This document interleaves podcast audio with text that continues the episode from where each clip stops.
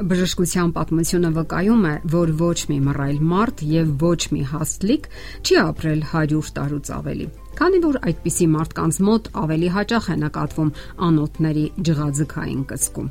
Իսկապես, վշտահար մարդիկ գործունյա չեն։ Նրանք ոչ միայն չեն կարողանում պատշաճ կերպով աշխատել ֆիզիկապես, այլև սովորաբար թույլ են մտածում։ Նրանց մոտ խիստ սեղմված են մկանների եւ ուղեղի անոթները։ Արևելքում ասում են, երբ հեծյալը հոգով ընկճվում է, նրա ձին չի կարող սլանալ։ Ծանր կորուստը ոչնչով չի կարելի փոխարինել։ Ահա թե ինչու անհրաժեշտ է ոչ թե տրվել տանջալի ապրումներին, այլ ակտիվորեն զբաղվել ուրիշ գործով։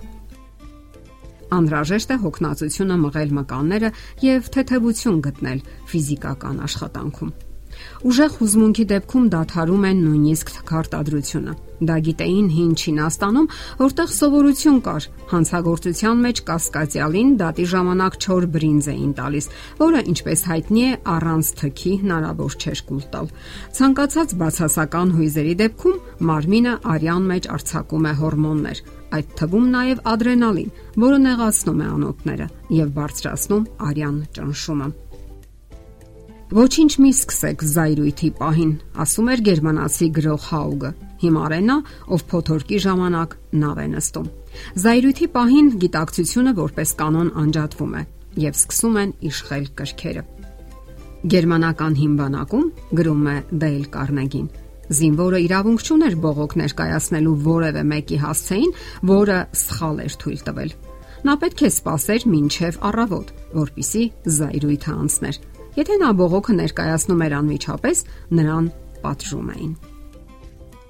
Ասենք որ բացասական հույզերը ախտահարում են ոչ միայն մարդու հոգին, այլև արտացոլվում են արտաքին կերպարում։ Պատմում էին, որ երբ փայլատակում էին Նապոլեոնի պողպատյա աչքերը, դողում էին նույնիսկ քաջ զինակիցները, որովհետև գիտեին, որ կൂട്ടակված հույզը պետք է անպայման լիցքաթափվի։ Իսկ պատմիչները վկայում են, որ արևելյան բռնակալ Լենգթեմուրի հայացքը պղտոր էր, դեմքը անկենթան դիմակ։ 30 տարվա մեջ ոչ մի անգամ նա չէր ճպտացել։ Չարությունը անզորության զենքն է։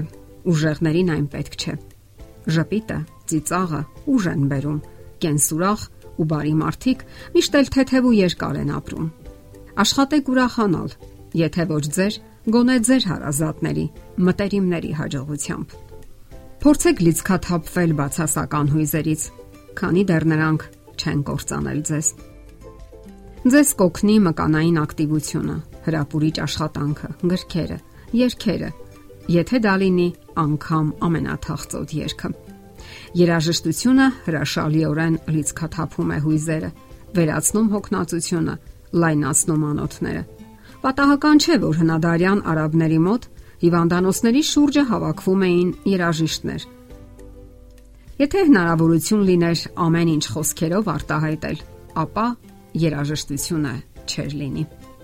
Նաև կարող եք գրել մեկին, ում կպատմեք ձեր հիմնախնդիրների մասին։ Կլիցքաթափվեք բացասական հույզերից։ Լատինական ասացվածքն ասում է. ասաց եւ հոգին թեթևացավ։ Զսպել հուզմունքները նշանակում է մարմնի մեջ փոթորիկ առաջացնել։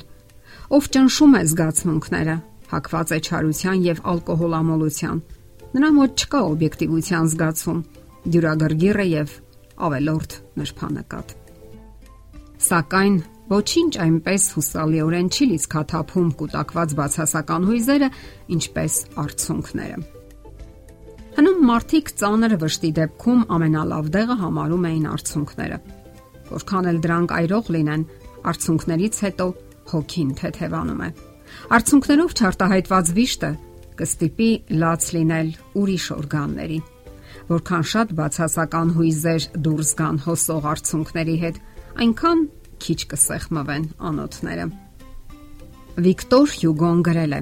Արցունքը միշտ լվանում է ինչ որ բան եւ մխիթարանք վերում իսկ շվեդ ատամնաբույժ Յուհան Նուրբերգը ելնելով այն բանից, որ արցունքները իջեցնում են արյան ճնշումը, այդ թվում նաև լնդերի անոթներում, հիվանդներին երաշխավորում էր լաց լինել, որpիսի ատամնացավն անցնի։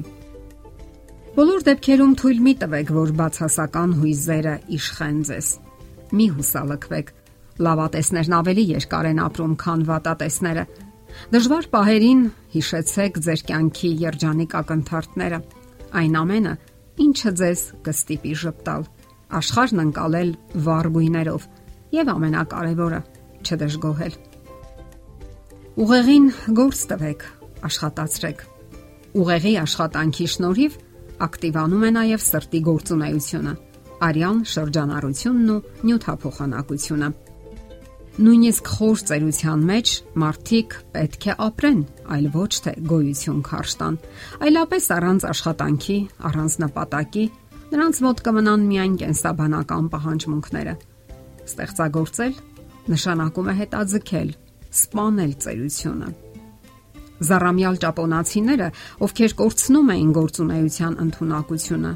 հնում դեպի մահ էին գնում ժպիտով աշխատանքով բավարարվածությունը ավելի է նպաստում հույզերի լիցքաթափմանը, քան ֆիզիկական զարգացվածությունը։ Ապրեցեք երկար